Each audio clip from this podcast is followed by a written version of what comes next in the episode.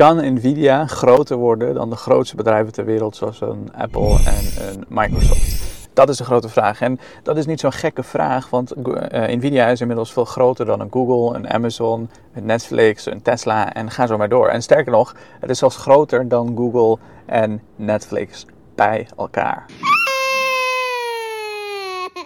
En in deze video gaan we uh, behandelen waar dat uh, door is gekomen en wat de redenen zijn dat het zo ver heeft kunnen komen. Want gigantische stijgingen die we de afgelopen tijd hebben meegemaakt, mensen die de belegger volgen, hebben ontzettend geprofiteerd van de grote stijging van Nvidia.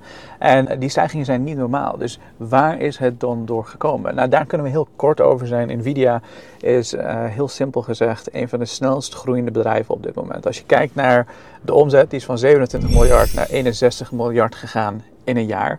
En voor een bedrijf van deze grootte, van deze schaal, van 27 miljard naar 61 miljard, dat hebben we nog nooit eerder zien uh, voorkomen op deze grote schaal.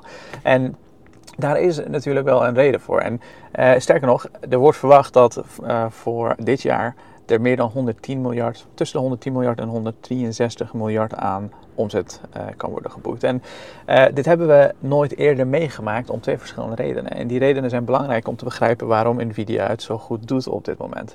Een van de redenen is dat er een enorme infrastructuur al klaar ligt en lag voor Nvidia om te profiteren van AI. Datacenters waren al gebouwd. Ze moesten simpelweg vervangen worden of verbeterd worden door de chips van Nvidia, die een aantal honderd keer veel krachtiger zijn dan uh, wat ze nu aan het doen zijn. De data voor AI was er al. En sterker nog, door de komst van ChatGPT is er ook nog een killer app die ervoor zorgt dat er gewoon heel veel vraag is gekomen naar de chips van Nvidia. En die infrastructuur die lag er dus al en dat maakt het voor een bedrijf als Nvidia gemakkelijk om uh, heel snel en heel gemakkelijk op te kunnen schalen.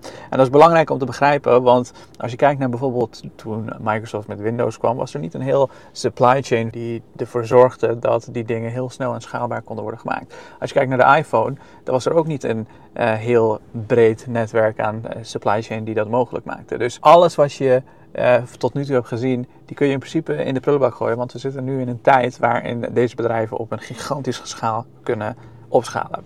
Tweede is Nvidia's businessmodel.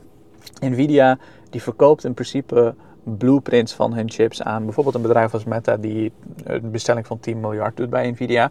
Die blueprints worden verzonden naar TSMC, die maakt ze en die stuurt ze direct naar Meta.